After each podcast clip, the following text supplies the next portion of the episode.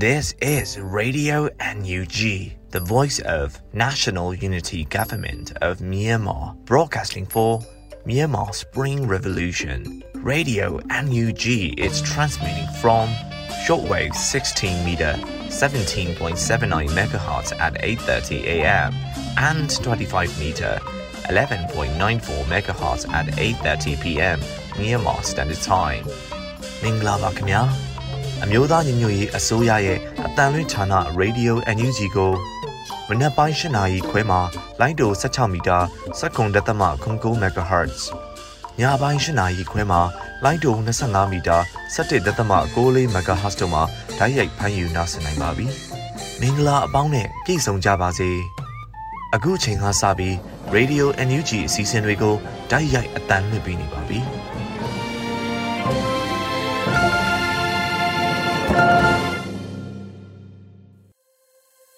ကြမ်းကြမ်းမာမာနဲ့ဘေးပရာဝေးကွာကြပါစေတောတာရှင်များခင်ဗျာ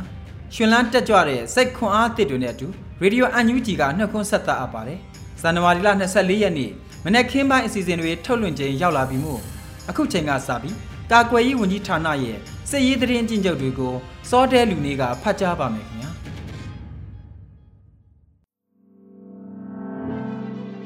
အမျိုးသားညီညွတ်ရေးဆိုရာကာကွယ်ရေးဝန်ကြီးဌာနမှနိုင်စဉ်ထုတ်ဝေတဲ့စစ်ရေးသတင်းအချင်းချုပ်များကိုတင်ပြပေးသွားပါတော့မယ်။သတင်းများအရရန်သူတပ်သား3သေဆုံးပြီး2ဦးထိခိုက်ဒဏ်ရာရရှိခဲ့ကြောင်းသတင်းရရှိပါရခင်ဗျာ။စစ်ကောင်စီနဲ့တိုက်ပွဲဖြစ်ပွားမှုများမှာ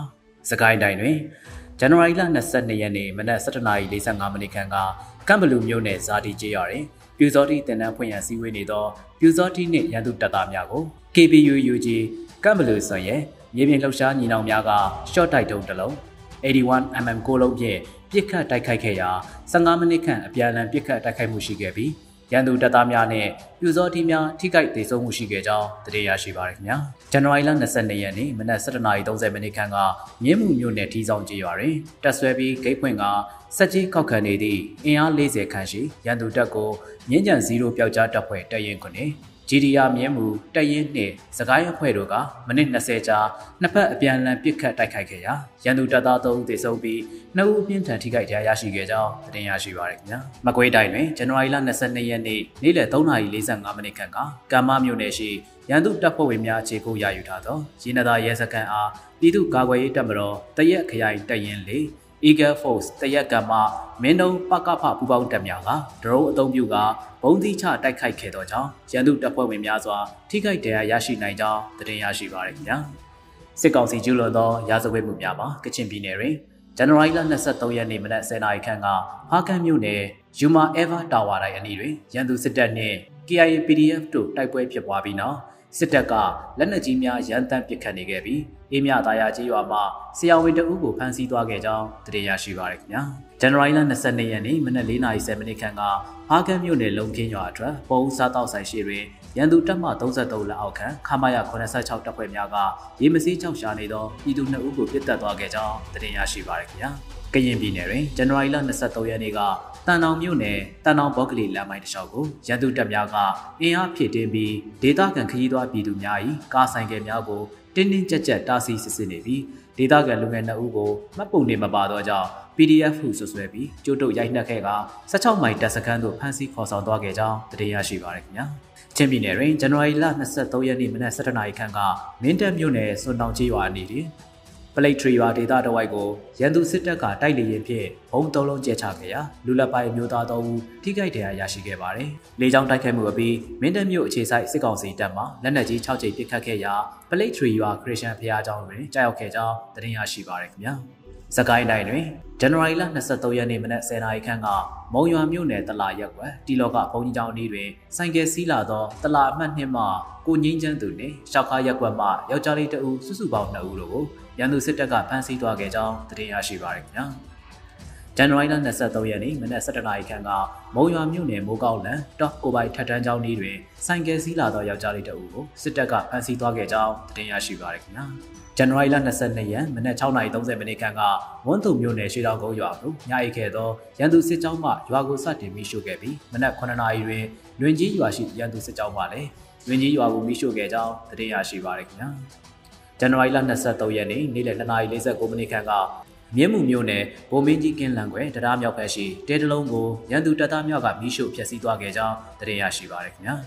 မန္တလေးတိုင်းတွင်ဇန်နဝါရီလ23ရက်နေ့မနက်ပိုင်းကနထိုးကြီးမြို့နယ်အနောက်ဘက်ကောက်ကွင်းအနီးတွင်လွန်ခဲ့သည့်နှစ်ပတ်ခန့်ကရန်သူတပ်သားများဖမ်းဆီးသွားသည်ထန်းကွမြောက်ရွာမှအသက်38နှစ်အရွယ်ကိုအောင်ကျော်မြင့်အလောက်အားညှဉ်းပန်းနှိပ်စက်တရားများဖြင့်လမ်းမေးတွင်စွန့်ပစ်ထားသည်ကိုတွေ့ရှိရကြောင်းသိရရှိပါရခင်ဗျာ ရန်ကုန်တိုင်းတွင်ဇန်နဝါရီလ22ရက်နေ့မနက်7:00နာရီခန့်ကကမာရွတ်မြို့နယ်ဗရမများလမ်းအလဲတိုင်း6လတွင်နေသောလင်းမယားနှစ်ဦးကိုရန်သူတပ်ဖွဲ့ဝင်များကဖမ်းဆီးသွားခဲ့ကြောင်းသိရရှိပါရခင်ဗျာယခုဖော်ပြလာသောသတင်းများကိုမြေပြင်သတင်းတာဝန်ခံများနဲ့သတင်းဌာနများမှဖော်ပြလာသောအချက်အလက်များပေါ်တွင်အခြေခံပြုစုထားခြင်းဖြစ်ပါတယ်ကျွန်တော်စောတဲလူနေပါ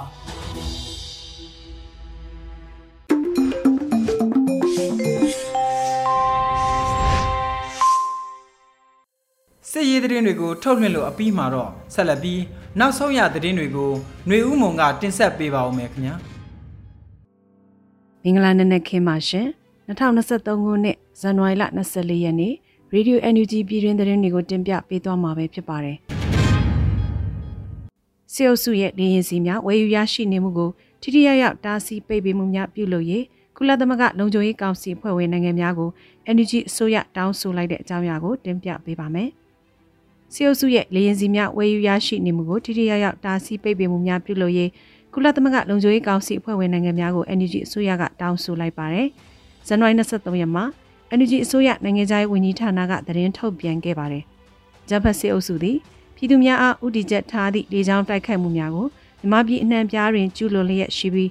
စစ်လေယာဉ်မှုများနဲ့၎င်းတို့ကိုညွှန်ကြားစေခိုင်းတဲ့ဆီယာရှိများသည်စာတင်ကြောင်းများနှင့်စေယုံများကိုဥတီချက်ထားရန်ကားပြီး ကြောင်းကျိုးစီလျော်မှုမရှိသည့်တိုက်ခိုက်မှုများကိုကျူးလွန်နေခြင်းသည်တိသာထင်ရှားသောစစ်ရာဇဝမှုများနှင့်လူသားမျိုးနွယ်စုအပေါ်ကျူးလွန်နေသည့်ရာဇဝမှုများဖြစ်ပါတယ်လို့ဆိုပါတယ်။ကုလသမဂ္ဂလုံခြုံရေးကောင်စီ၏2022ခုနှစ်ဒီဇင်ဘာတွင်ထုတ်ပြန်ခဲ့သည့်ဆုံးဖြတ်ချက်အမှတ်2669တွင်ဂျမ်ဖက်စီယုစုအနေဖြင့်ပြည်သူလူထုနှင့်ပြည်သူပိုင်အဆောက်အုံများပညာရေး၊ကျန်းမာရေး၊ပြည်စစ်ဓာတ်အားဖြန့်ချီဆိုင်ရာအဆောက်အုံများနှင့်ဆက်ဆက်အဆောက်အုံများနှင့် စီးပွားရေးနှင့်အများပြည်သူပိုင်းအဆောက်အအုံများပေါ်တွင်ကျူလွန်လျက်ရှိသည့်အကြမ်းဖက်တိုက်ခိုက်မှုများအားထူးဆိုးရင်ပြီးကြောင့်ဖော်ပြထားပါတယ်။ဆိုပါအကြမ်းဖက်မှုနီလန်ပေါင်းစုံကိုလည်းချက်ချင်းရပ်တန့်ရန်တောင်းဆိုထားပါတယ်လို့ဖော်ပြပါတယ်။မိမိတို့အနေနဲ့အဆိုပါဆုံးဖြတ်ချက်အားကြိုးဆိုပြီး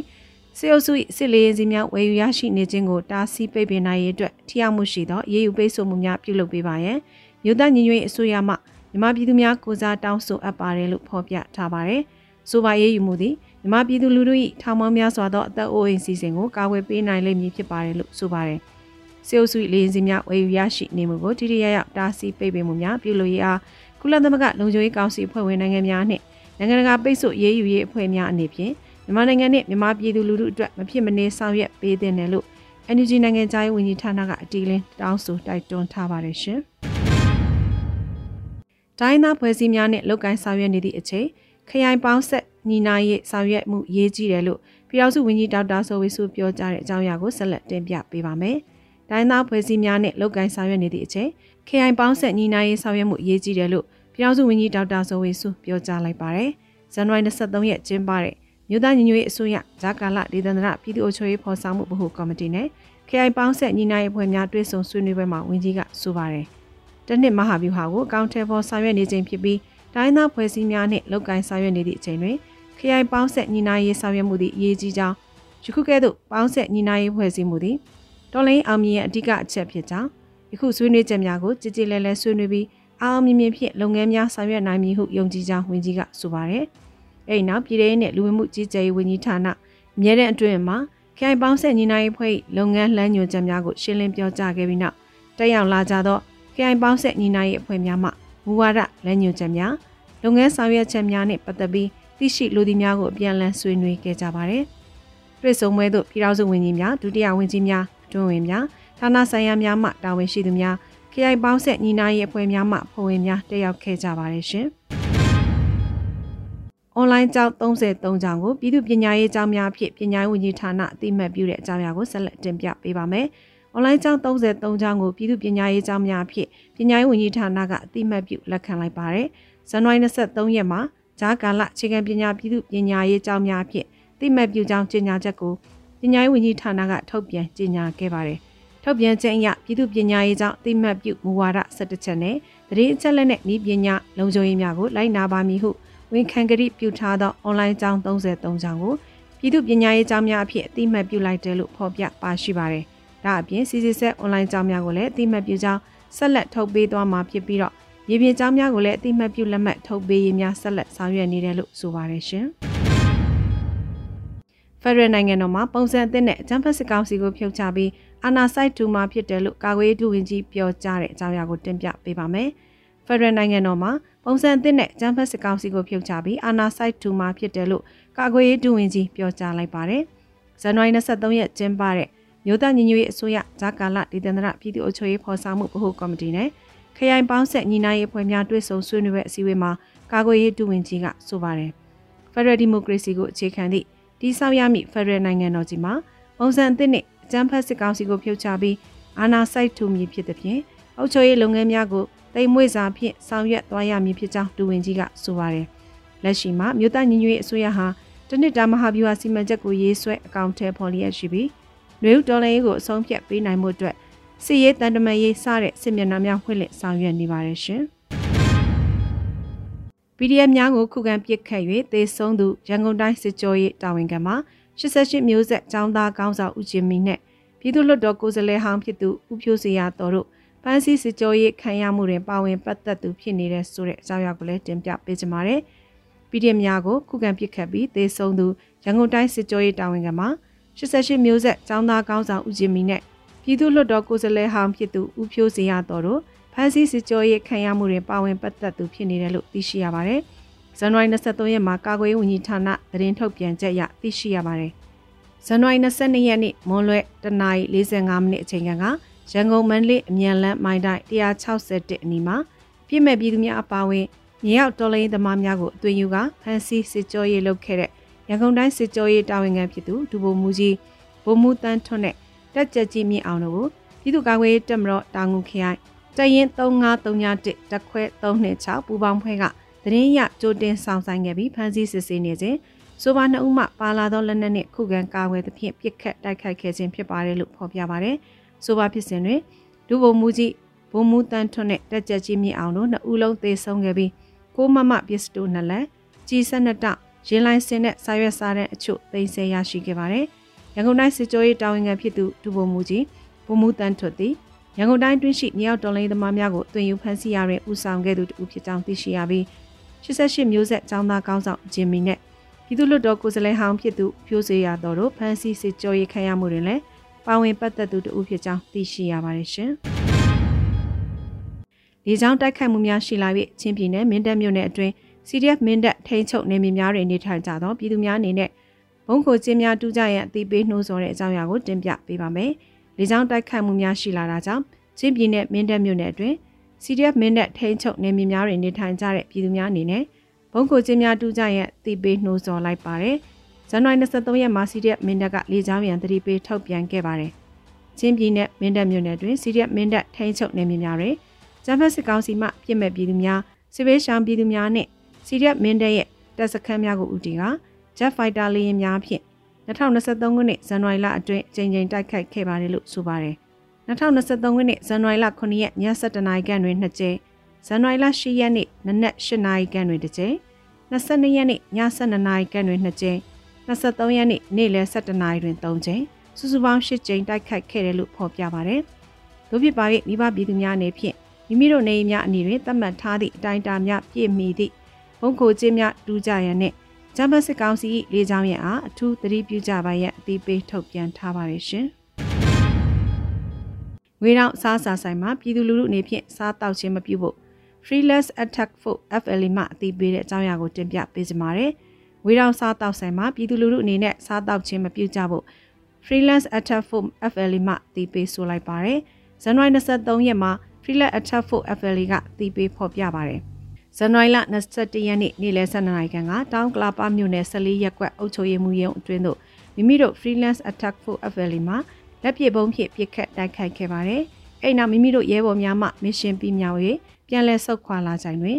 14ရက်ကွက်အုပ်ချုပ်ရေးမှူးရုံးနဘေရှိငွေဒန်းစားတောက်ဆိုင်မှဝန်ထမ်းများနှင့်ကျုံစိတ်မကုံသေးသောကျုံပေါက်များမှဝိုင်းဝန်းရိုက်နှက်ဖမ်းဆီးပေးမှုကြောင့်မိမိမိတို့ရဲဘော်တအူးဖြစ်သူရဲဘော်ချောကလက်ခရဲဘော်သားတွေမှာ ဒဏ်ရာပြင်းထန်စွာရရှိပြီးကြာဆုံးခဲ့ရပါတယ်လို့ဆိုပါတယ်။ဆိုပါဖြစ်ရကြောင့် freelance attack for FLE မှများစွာဝမ်းနဲ့ယူကြုံမရဖြစ်ရပြီးရဲဘော်ချောကလက်ခေါ်တာရင်ရဲ့သွေးကြွေအဖြစ်ငွေရောင်စားတောက်ဆန်အတိုင်ဝန်အားတိုက်ခိုက်ချေမှုန်သွားမှာဖြစ်တယ်လို့ဆိုပါတယ်။ပြည်သူလူထုအနေဖြင့်လည်းဆိုပါငွေရောင်စားတောက်ဆန်နဲ့စားတောက်ပျော်ပါသွားလာမှုများမပြုလုပ်ကြဖို့အထူးသတိပေးမြစ်တာရက်ခံထားပါတယ်ရှင်။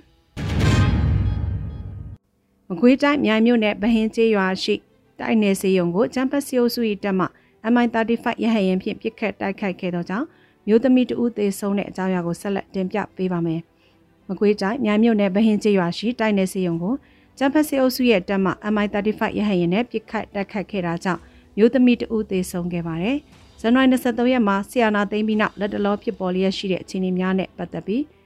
AAPP ကအသိပေးဖော်ပြပါတယ်။ဇန်နဝါရီလ22ရက်နေ့နေ့လယ်10:30မိနစ်ခန့်အချိန်တွင် မကွေးတိုင်းမြိုင်မြို့နယ်ဗဟင်းကျေးရွာရှိတိုက်နယ်စီယုံကိုဂျမ်ဘတ်စီယုစု၏တက်မှ MI35 ရဟတ်ရင်ဖြင့်ပစ်ခတ်တိုက်ခတ်ခဲ့သောကြောင့်မကြီးပင်အောက်၌ပုံခုန်နေသည့်လူနာဆောက်အမျိုးသမီးတော်ကြီးမှာခြေထောက်ပြက်ပြီးသွေးထွက်လွန်ကသေဆုံးခဲ့ပါတယ်လို့ဆိုပါတယ်။2021ခုနှစ်ဖေဖော်ဝါရီလရက်နေ့မတရားဆီယာနာလူမှုဖြစ်စဉ်ကိုစန့်ကျင်ခဲ့ကြသောဒီမိုကရေစီရဲ့လှုပ်ရှားသူများနှင့်ပြည်သူများ၏ຫນွေဦးတော်လှန်ရေးကာလအတွင်းကြာဆုံးခဲ့ရသူစုစုပေါင်းမှာ2810ဦးရှိခဲ့ပြီဖြစ်ပါတယ်ရှင်။ ရွှေဘုံမြို့နယ်တဲသီတော်ကြေးရွာပြူနစ်စစ်ကောင်စီတပ်များကိုကာဝေးတပ်များဝင်ရောက်တိုက်ခတ်ရာအများပြားသေဆုံးတဲ့အကြောင်းအရာကိုဆက်လက်တင်ပြပေးကြပါမယ်။စကိုင်းတိုင်းရွှေဘုံမြို့နယ်တဲသီတော်ရွာပြူနစ်စစ်ကောင်စီတပ်များကိုကာဝေးတပ်များဝင်ရောက်တိုက်ခတ်ရာမှာအများပြားသေဆုံးခဲ့တယ်လို့သိရပါဗျ။ဇန်နဝါရီ23ရက်မှာစီးရေးသတင်းကိုရွှေဘုံမိုးကျုံမုံတိုင်းကအတည်ပြုဆိုပါတယ်။ဇန်နဝါရီ22ရက်နနက်၄နာရီအချိန်တွင်ရွှေဘုံမြို့နယ်တဲသီတော်ရွာပြူနစ်စစ်ကောင်စီတပ်များရှိရာသို့ဝင်ရောက်တိုက်ခတ်ရာတွင် ပြူနစ်စစ်ကောင်စီတပ်က20ဦးသေ15ဦးဒဏ်ရာရရှိခဲ့ပါတယ်လို့ဆိုပါတယ်။တိုက်ခိုက်မှုကို Dynamite အဖွဲ့ကြားရိုင်အဖွဲ့နဲ့ Rambo စကိုင်း PDA အဖွဲ့တို့ပါဝင်ပူးပေါင်းခဲ့တယ်လို့သိရပါတယ်ရှင်။ရေးမြုပ်ကျောင်းရွာ991တက်မာကိုရေးဘလူးတပ်ဖွဲ့ဝေဟင်ကတိုက်ခိုက်တဲ့တဲ့ရင်ကိုတင်ပြပေးကြပါမယ်။မွန်ပြည်နယ်ရေးမြုပ်ကျောင်းရွာ991တက်မာကိုရေးဘလူးတပ်ဖွဲ့ကဝေဟင်ကနေတိုက်ခိုက်ခဲ့ပါတယ်။ ဇန်နဝါရီ23ရက်မှာရေးဘလူးဖွဲ့ခေါင်းဆောင်ကအတီးပြုဆိုထားပါတယ်။ကျောင်းရွာ9ကိုတစ်တမမှာမိုးချိန်တာမဟုတ်ဘူး။ရေးဘလူးဝေဟင်းနဲ့လာတာကောင်းစိမ့်တို့လို့ဆိုထားပါတယ်။ရေးဘလူးဖွဲ့ဟာပြီးခဲ့တဲ့ရက်ပိုင်းကရေးမြို့နီးကြုံလောင်းရွာဟောင်းကိုနေမြေရှင်းလင်းရေးလှုပ်ဆောင်ခဲ့ပါတယ်။ဇန်နဝါရီလ22ရက်နေ့ညနေ3နာရီဝန်းကျင်ကလည်းရေးမြို့ပေါ်ရှိအာနွာရက်ကွက်နဲ့နန္ဒာရက်ကွက်ပိုင်းနေရင်ရဟိန်သူရအားရှင်းလင်းခဲ့ပါတယ်ရှင်။ခုတင်ပြခဲ့တဲ့သတင်းတွေကို Radio NUG သတင်းတောက်မင်းမင်းကပေးပို့ထားတာဖြစ်ပါတယ်။ ကျမຫນွေဦးမွန်ပါ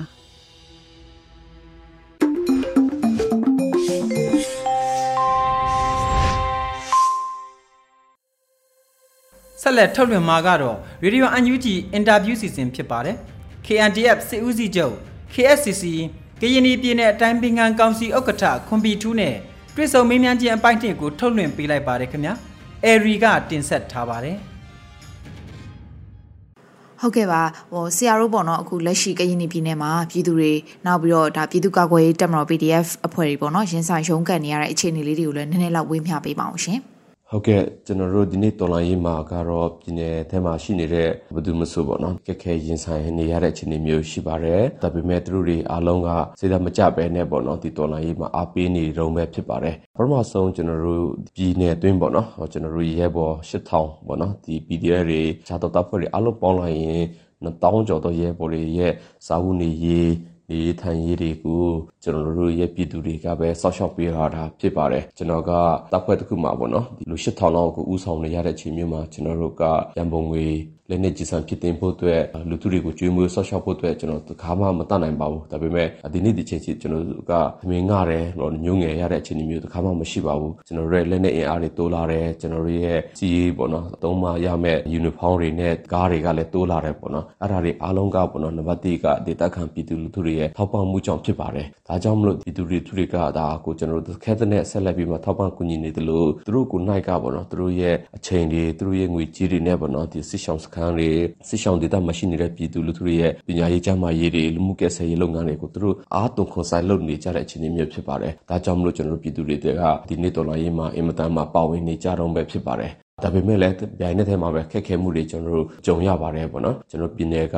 ချောင်းရီပေါ်တော့ပေါ့နော်ကျွန်တော်တို့တကယ်အာရေပေးဝေးစနစ်တွေမှာအားနေသွားတဲ့အတွက်ကျွန်တော်တို့ဒီဒီနေ့စစ်ပွဲဖြစ်တဲ့အချိန်မှာရေခက်ခဲတွေအင်မတန်ကြီးမားပါတယ်ကျွန်တော်တို့ဆောင်းရသည်ဖြတ်လာတဲ့အတွက်ပေါ့နော်အေးဒဏ်ကိုကျွန်တော်တို့အင်မတန်ခံစားရပါတယ်တောရွာထဲမှာတောတောင်ထဲမှာကျွန်တော်တို့တဲမိုးကားတွေနဲ့နေရတဲ့ချိန်မျိုးမှာဒီဒဏ်ကြောင့်မလို့ပေါ့နော်ယောဂပြရတွေပူရကြတဲ့အခြေအနေမျိုးလည်းရှိပါတယ်ပေါ့နော်ဒီအပြင်ပေါ့နော်ကျွန်တော်တို့လုံခြုံရေးပေါ့နော်သူဖြစ်ဒီစစ်ကောင်စီရဲ့လေရင်အန်ဒီရဲ့ကိုကျွန်တော်တို့စိုးရင်နေရတယ်။နော်ကျွန်တော်တို့ရဲ့စုဖက်နေထိုင်မှုတွေကလည်းပြန့်ပြန့်ကြဲကြဲလေးနေမှသာလေဘုံကျက်ခဲ့ရင်တရားအကြီးကျယ်မရအောင်ဆိုတာမျိုးတွေကဆောက်ပေါ့နော်။သက်သွင်းစဉ်းစားပြီးမှကျွန်တော်တို့နေထိုင်နေရတဲ့အခြေအနေမျိုးဖြစ်ပါတယ်။အဲတော့ပြည်သူတွေရဲ့ဒုက္ခတွေကိုလည်းကျွန်တော်တို့ဒီနေ့ဒီချိန်မှာနိုင်ငံတကာဖွဲ့စည်းတွေဘက်ကနော်နော်ဒီပြည်သူပြည်ပလူမှုရေးတိဖွဲ့တွေကပေါ့နော်တနိုင်ဆုံးကူညီကြပါတယ်။ဒီထက်ပိုကူညီနိုင်ဖို့လည်းကျွန်တော်တို့အများကြီးမျှော်လင့်ထားပါတယ်။ဒါပေမဲ့ဒီနေ့ပြည်သူတွေကပေါ့နော်ဒီတော်လှန်ရေးမှာ ပါဝင်မှုကိုမလျော့ပဲနဲ့သူတို့ဆက်ပြီးမှပါဝင်နေတယ်နော်မြို့သွင်းမှာပေါ့နော်စစ်ကောင်စီရဲ့ထိန်ချုံတဲ့ area မှာရောက်နေတဲ့ပြည်သူလူထုတွေကိုနိုင်ကပေါ့နော်ဒီနေ့ဒေါ်လာရေးကိုအမြန်ဖြတ်နိုင်ဖို့အတွက်ကိုအမြန်အားဆူတောင်းပေးနေရတဲ့တန်လေးကြားရတဲ့အတွက်ဒါကျွန်တော်တို့အင်မတန်မှအားရမှုရှိပါတယ်ပေါ့နော်ဆိုတော့ကျွန်တော်တို့ဂရီနီပြည်ကပြည်သူလူထုတွေဒီတဲ့မြန်မာနိုင်ငံဒေသတည်တည်မှာပေါ့နော်အထူးသဖြင့်စကိုင်းနော်ချင်းပြည်နယ်ဘက်မှာနော်ဒီကချင်နဲ့ဒီပြည်ကရင်ပြည်နယ်ဘက်မှာရှိတဲ့ညီကိုမောင်နှမတွေအားလုံးနဲ့လည်းအစာနာမှုရှိပါတယ်ကျွန်တော်တို့ဘုံကျဲခံရတဲ့တဲ့သူတို့ဘုံကျဲခံရတဲ့တဲ့သူတို့ရွာမိရှုခံရတဲ့တဲ့တွေကြားတဲ့ချိန်မျိုးမှာပေါ့နော်ချင်းချင်းစာနာမှုတွေမေတ္တာပို့မှုတွေအများကြီးရှိပါတယ်ပေါ့နော်ကျွန်တော်တို့ဂရီနီပြည်သူတွေကခရီးယန်ဘာသာတွေဖြစ်တဲ့အတွက်ပေါ့နော်သူတို့ရဲ့ဟိုဖျားကြောင်ငယ်ငယ်လေးရတစ်ဆင့်ပေါ့နော်ဒီ data တီးတီးမှာရှိတဲ့စစ်ဆောင်ပြည်သူတွေကိုလည်းအများအားစာနာပြီးမှစုတောင်းမိသားတွေပို့နေကြပါတယ်ဆိုတာကိုလည်းဒီကနေပြောကြားလိုပါတယ်ဟုတ်ကဲ့ပါရှင်အခုပေါ့နော်ဒီ2023ခုနှစ်မှာဆိုရင်စစ်ကောင်စီကလည်းဒီရွေးကောက်ပွဲပေါ့နော်အတင်းကျပ်ကျင်းပဖို့စီစဉ်နေရလဲရှိရဆိုတော့လေ စစ်ကောင်စီရဲ့ဒီရွေးကောက်ပွဲအခင်းကျင်းကလက်တွေ့မှာရောအမှန်တကယ်ဖြစ်နိုင်မဖြစ်နိုင်ဆရာအနေနဲ့ဘယ်လိုမျိုးများသုံးသပ်ချင်ပါလဲရှင်ဟုတ်ကဲ့ပါ ကျွန်တော်တို့ဒီစစ်ကောင်စီကပေါ့နော်မြို့နယ်တချို့ရဲ့မြို့တွင်းဖက်မှာပေါ့နော်တင်ချုပ်ထားတာတွေရှိတယ်ကျွန်တော်တို့ပြည်နယ်အတွင်းမှာပေါ့နော်ဒီဒီမော့ဆိုမြို့ရဲ့ပရဆိုမြို့ရဲ့ဆိုတာကလုံးဝပေါ့နော်ပျက်စီးသွားတဲ့မြို့စစ်ပွဲကြောင့်မလို့ပေါ့နော်ဒီလူထုတွေကလည်းမြို့တွင်းမှာမနေတော့တဲ့အခြေအနေမျိုးပေါ့နော်ဒါပေမဲ့ Loico ဘောလခဲပရဆို local ဘောလခဲနောက်ဒီဖာဆောင်တို့မှာပေါ့နော်စစ်ကောင်စီရဲ့အုပ်ချုပ်ရေးတွေမြို့တွင်းမှာရှိနေတယ်ပေါ့နော်ရွေးကောက်ပွဲကိုစစ်ကောင်စီကလှုပ်သွားရောရနိုင်လားလို့ပြောရင်တော့ရွေးကောက်ပွဲကိုလှုပ်သွားခဲ့ရင်တော့မြို့တွင်းတိုက်ပွဲတွေကပိုများလိမ့်မယ်ပေါ့နော်စစ်ကောင်စီရဲ့ရွေးကောက်ပွဲကိုကျွန်တော်တို့လူထုတွေရောအင်အားစုတည်တည်ရရောလက်ခံမှာမဟုတ်ဘူးလက်ခံဖို့အတွက်ပေါ့နော်နိုင်ငံရေးပါတီတွေလည်းမရှိတော့ဘူးနောက်ဒီမြို့သွင်းမှာလည်းပေါ့နော်ဒါကျွန်တော်တို့တည်ငြိမ်တဲ့အုပ်ချုပ်ရေးတော့မဟုတ်သေးဘူးပေါ့နော်အဲ့ဒီအခြေအနေမျိုးမှာစစ်ကောင်စီကနိုင်ငံရေးပါတီတွေမပါဘဲနဲ့ဒီရွေးကောက်ပွဲဝင်လည်းလူမရှိဘဲနဲ့ပေါ့နော်ရွေးကောက်ပွဲကိုကျင်းပသွားနိုင်ဖို့အတွက်ဆိုတာကအာနံပါတ်1အစိတ်ကူးရင်ဆန်တဲ့ဟာဖြစ်ပါတယ်နံပါတ်2ကဒါကိုအတင်းကြပေါ့နော်လူတယောက်ယောက်ခေါ်တင်ပြီးမှရွေးကောက်ပွဲဝင်ခံတဲ့ဟာမျိုးလုပ်ခဲ့သည်ရှိတော့တိုက်ပွဲတွေဖြစ်ပွားပြီးမှပေါ့နော်မြို့တွေရဲ့ပျက်စီးမှုတွေပဲဖြစ်သွားပါလိမ့်မယ်ပေါ့နော်ဒါကြောင့်မလို့ကျွန်တော်တို့ဒီ Green ပြည်နယ်တွင်းမှာတော့ရွေးကောက်ပွဲကတော့ဖြစ်သွားစရာအကြောင်းမရှိဘူးရွေးကောက်ပွဲနဲ့ပတ်သက်ပြီးမှလည်းထွက်လာမယ့်ရလာမှတမျှဒီလက်ခံသွားမှာမဟုတ်ပဲနဲ့ပေါ့နော်ပြီးခဲ့တဲ့ကျွန်တော်တို့ရဲ့လူထုရွေးချယ်မှုလူထုရဲ့တောင်းဆိုမှုကိုပဲကျွန်တော်တို့အဓိကနားထောင်ပြီးမှပေါ့နော်ဒီဒေါ်လာကြီးကိုဆက်ပြီးမှဖြတ်ဖို့လိုပါတယ်ပေါ့နော်အဲ့တော့ပြည်နယ်တီးတီးအတိုင်းတီးတီးမှာရှိနေတဲ့ကျွန်တော်တို့ပြည်သူညီကိုမောင်နှမတွေလည်းဒီ2020ရွေးကောက်ပွဲရဲ့ရလာနောက်ပိုင်းမှာပေါ့နော်ခုစစ်ကောင်စီလုံမဲ့ရွေးကောက်ပွဲတွေကိုညှင်းပယ်ကြဖို့ရယ်နောက်တနိုင်ဆုံးမပါဝင်ကြဖို့ပြီးရင်တော့လုတ်ခဲ့ရင်လည်းထိရောက်တဲ့ပေါ့နော်အရေးယူဆောင်ရွက်မှုမျိုးတွေလှုပ်သွားကြဖို့ပေါ့နော်ပေါင်းရင်လုတ်ကန်ကြဖို့ကိုတိုက်တွန်းလိုပါတယ်ဒါကရွေးကောက်ပွဲတစ်ခုကိုကျွန်တော်တို့မလက်ခံမဲနဲ့ဖြစ်လို့ပြဖြစ်စီကြောင်းလုပ်တာမျိုးမဟုတ်ပါဘူးရွေးကောက်ပွဲကမတင်မြတဲ့အတွက်ပေါ့နော်ကျွန်တော်တို့ပူပေါင်းဆောင်ရွက်ဖို့ညှင်းဆန်ခြင်းဖြစ်ပါတယ်ပေါ့နော်အဲ့ဒါကနိုင်ငံတကာရောကျွန်တော်တို့ပြည်သူတွေအားလုံးရရောလုပ်ရမယ့်တော်လှန်ရေးဝတ္တရားတစ်ခုဖြစ်ပါတယ်ခင်ဗျာ ဟုတ်ကဲ့ပါဆရာကြီးဒီနေ့တွေးဆုံမင်းမြန်ခန့်ရဲ့အနီကုန်းချုပ်အနေနဲ့ပေါ့နော်ဆရာကနေပြီးတော့ပြည်သူတွေကိုဘလို့သတင်းစကားတွေများပါချင်ပါသေးလဲရှင်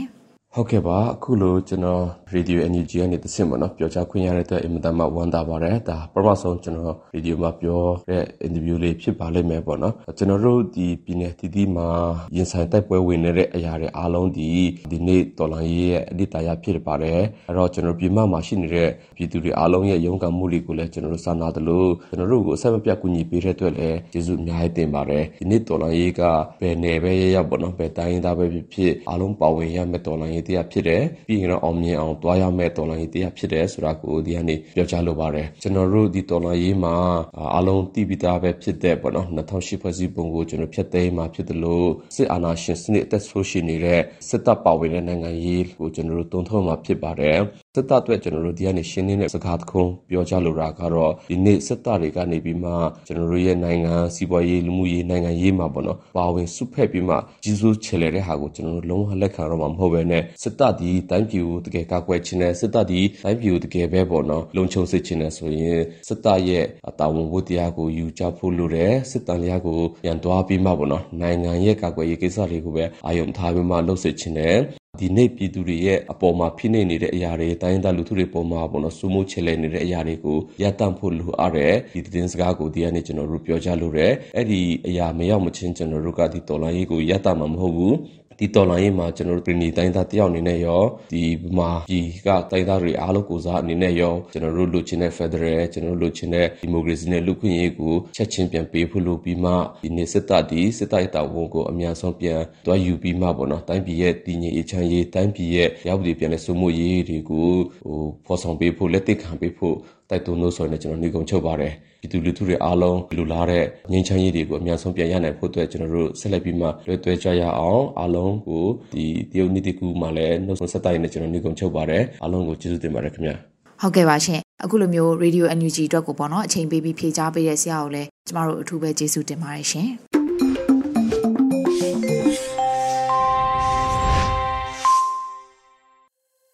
တောတာရှင်များခင်ဗျာဆက်လက်ပြီး PPTV ရဲ့နောက်ဆုံးရသတင်းတွေကိုထက်ထက်အိန္ဒြာအောင်ကဖတ်ကြားပါတော့မယ်ခင်ဗျာအခုချိန်ကစပြီး PPTV သတင်းတွေကိုတင်ဆက်ပေးတော့မှာပါကျွန်မထက်ထက်အိန္ဒြာအောင်ပါပထမဆုံးတင်ဆက်ပေးမှာကတော့ဂျာကာလာဒီတန်တရာပြည်သူ့အုပ်ချုပ်ရေးဖော်ဆောင်မှုနဲ့ပြည်သူ့အုပ်ချုပ်ရေးဖွဲ့များကြားတွေ့ဆုံတဲ့သတင်းမှာ အမျိုးသားညီညွတ်ရေးအစိုးရဂျာကာလာဒေသန္တရပြည်သူ့အုပ်ချုပ်ရေးဖော်ဆောင်မှုဘို့ကော်မတီနဲ့တနင်္သာရီတိုင်းအေယာဝတီတိုင်းပြည်သူ့အုပ်ချုပ်ရေးအဖွဲ့များတွဲဆုံဆွေးနွေးပွဲကိုဇန်နဝါရီလ22ရက်မနက်10:00နာရီမှာပြုလုပ်ခဲ့ပါတယ်။အစည်းအဝေးမှာဂျာကာလာဒေသန္တရပြည်သူ့အုပ်ချုပ်ရေးဖော်ဆောင်မှုဘို့ကော်မတီအတွင်းရေးမှူးအဖွဲ့ဝင်အလုသမားဝင်ကြီးဌာနဒုတိယပြည်ထောင်စုဝန်ကြီးဦးကျော်နီကတော်လှန်ရေးကာလနှစ်နှစ်ကာလသို့ရောက်ရှိလာပြီဖြစ်တဲ့ ဒေါ်လာရေးကိုတုံညကစတင်ခဲ့ရမှယခုအချိန်မှာလူဒုအင်အား NUG အစိုးရအဖွဲ့ဝင်များတပ်ပေါင်းစုအင်အားများစသဖြင့်ရှိလာပြီဖြစ်တဲ့ဒေါ်လာရေးမှာလူထုအားနဲ့တော်လန်လူထုအားနဲ့တွန်းလှန်မှုကြောင့်ယနေ့အချိန်ထိခိုင်မာလာတာဖြစ်လို့လူထုညီညွတ်မှုနိုင်ငံရေးညီညွတ်မှုနဲ့အတူဆက်လက်ဆောင်ရွက်ကြပါဆိုပြီးတော့ပြောကြားခဲ့ပါတယ်ဆက်လက်ပြီးတော့ကျန်းမာရေးဝန်ကြီးဌာနနဲ့ပညာရေးဝန်ကြီးဌာနတို့ဝန်ကြီးဌာနရဲ့လမ်းညွှန်ချက်မူဝါဒလုပ်ငန်းဆောင်ရွက်ချက်တွေကိုရှင်းလင်းပြောကြားခဲ့ပြီးတဲ့နောက် ပြည်သူ့အုပ်ချုပ်ရေးအဖွဲ့ဝင်တွေကမူဝါဒလမ်းညွှန်ချက်များလုပ်ငန်းဆောင်ရွက်ချက်များနဲ့ပတ်သက်လို့သိရှိလိုတာတွေကိုအပြန်အလှန်ဆွေးနွေးခဲ့ပါတယ်။တွေ့ဆုံပွဲကိုဒုတိယပြည်ထောင်စုဝန်ကြီးများအတွင်းဝန်များဌာနဆိုင်ရာများမှတာဝန်ရှိသူများတနင်္သာရီတိုင်းအေယာဝတီတိုင်းပြည်သူ့အုပ်ချုပ်ရေးအဖွဲ့ဝင်များတက်ရောက်ခဲ့ကြတယ်လို့ပြည်ထောင်စုလူမှုကြီးကြပ်ရေးဝန်ကြီးဌာနကသတင်းထုတ်ပြန်ထားပါတယ်။ ဆက်လက်တင်ဆက်ပေးမှာကတော့အကြမ်းဖက်စစ်ကောင်စီကခရီးယန်ဖျားเจ้าနေမိရှုနေတာတွေကိုပုတ်ရဟန်းမင်းကြီးစိုးရိမ်တယ်လို့ပြောလိုက်တဲ့သတင်းမှာမြန်မာနိုင်ငံမှာခရီးယန်ဖျားရှိခိုးเจ้าတွေမိရှုဖျက်ဆီးခံနေရတဲ့အခြေအနေအတွက်စိုးရိမ်မိပြီးတော့ဒီအခြေအနေတွေကိုအမြဲဆုံးအဆုံးသတ်ဖို့အတွက်ပုတ်ရဟန်းမင်းကြီးဖရန်စစ်ကပြောကြားလိုက်ပါတယ်။မနေ့ကတနင်္ဂနွေနေ့စိန့်ပီတာရင်ပြင်မှာပုတ်ရဟန်းမင်းကြီးကမြန်မာနိုင်ငံနဲ့ပတ်သက်ပြီးတော့ငြိမ်းချမ်းရေးအတွက်ဆွတောင်းစကားပြောကြားခဲ့တာလေးဖြစ်ပါတယ်။ ပုတ်ရဟမင်းကြီးကမြန်မာနိုင်ငံကချမ်းသာရွာမှာအကြမ်းဖက်စစ်တပ်ကမိရှုဖျက်ဆီးခဲ့လို့ကောင်းကင်ဘုံသို့ပစ်ဆောင်ခြင်းခံရသောမေတော်သခင်မဖះကြောင့်အပါအဝင်နေအိမ်ပေါင်း900လောက်မိရှုဖျက်ဆီးခံရပြီးလူပေါင်း3000လောက်အိုးမဲ့အိမ်မဲ့ထွက်ပြေးရတဲ့အခြေအနေကိုပြောကြားခဲ့ပါတယ်။ကောင်းကင်ဘုံသို့ပင်ဆောင်ခြင်းခံရသောမေတော်သခင်မဖရာကြောင့်ဟာရှေးဟောင်းကျောင်းတော်တွေတခုဖြစ်ပြီးတော့ဝိပုယအထော်မြတ်နေရာတစ်ခုဖြစ်တဲ့မြန်မာနိုင်ငံကလက်ရှိခြေနေနဲ့ပတ်သက်ပြီးစိုးရိမ်နေရတယ်။ ဒီလိုဒုက္ခကြုံတွေ့နေရတဲ့မြန်မာပြည်သူတွေနဲ့တသားတည်းရှိပါတယ်လို့ပြောကြားခဲ့တာပါဒီကနေ့ကတော့ဒီညနေပဲ Radio NUG ရဲ့အစည်းအဝေးကိုခਿੱတရနာလိုက်ပါမယ်မြန်မာစံတော်ချိန်မနက်၈နာရီခွဲနဲ့ည၈နာရီခွဲအချိန်တွေမှာပြန်လည်ဆုံးဖြတ်ကြပါစို့ Radio NUG ကိုမနက်ပိုင်း၈နာရီခွဲမှာလိုင်းဒို16မီတာစက္ကန့်တသမ9 MHz ညပိုင်း၈နာရီခွဲမှာလိုင်းဒို25မီတာ17တသမ6 MHz တို့မှာ ဓာတ်ရိုက်ဖမ်းယူနားဆင်နိုင်ပါပြီ။မြန်မာနိုင်ငံသူနိုင်ငံသားများကိုယ်စိတ်နှပြကျန်းမာချမ်းသာလို့ဘေးကင်းလုံခြုံကြပါစေလို့ Radio NUG အဖွဲ့သူအဖွဲ့သားများကဆုတောင်းလိုက်ရပါတယ်။အမျိုးသားညီညွတ်ရေးအစိုးရရဲ့စက်သွေးရေးတရင်အချက်အလက်နဲ့ဤပညာဝန်ကြီးဌာနကထုတ်လွှင့်နေတဲ့ Radio NUG ဖြစ်ပါတယ်။ San Francisco Bay Area အခြေစိုက်မြန်မာမိသားစုများနဲ့နိုင်ငံတကာကစေတနာရှင်များလှုပ်အားပေးများရဲ့ Radio NUG ဖြစ်ပါတယ်။အရေးတော်ပုံ အောင်ရမည်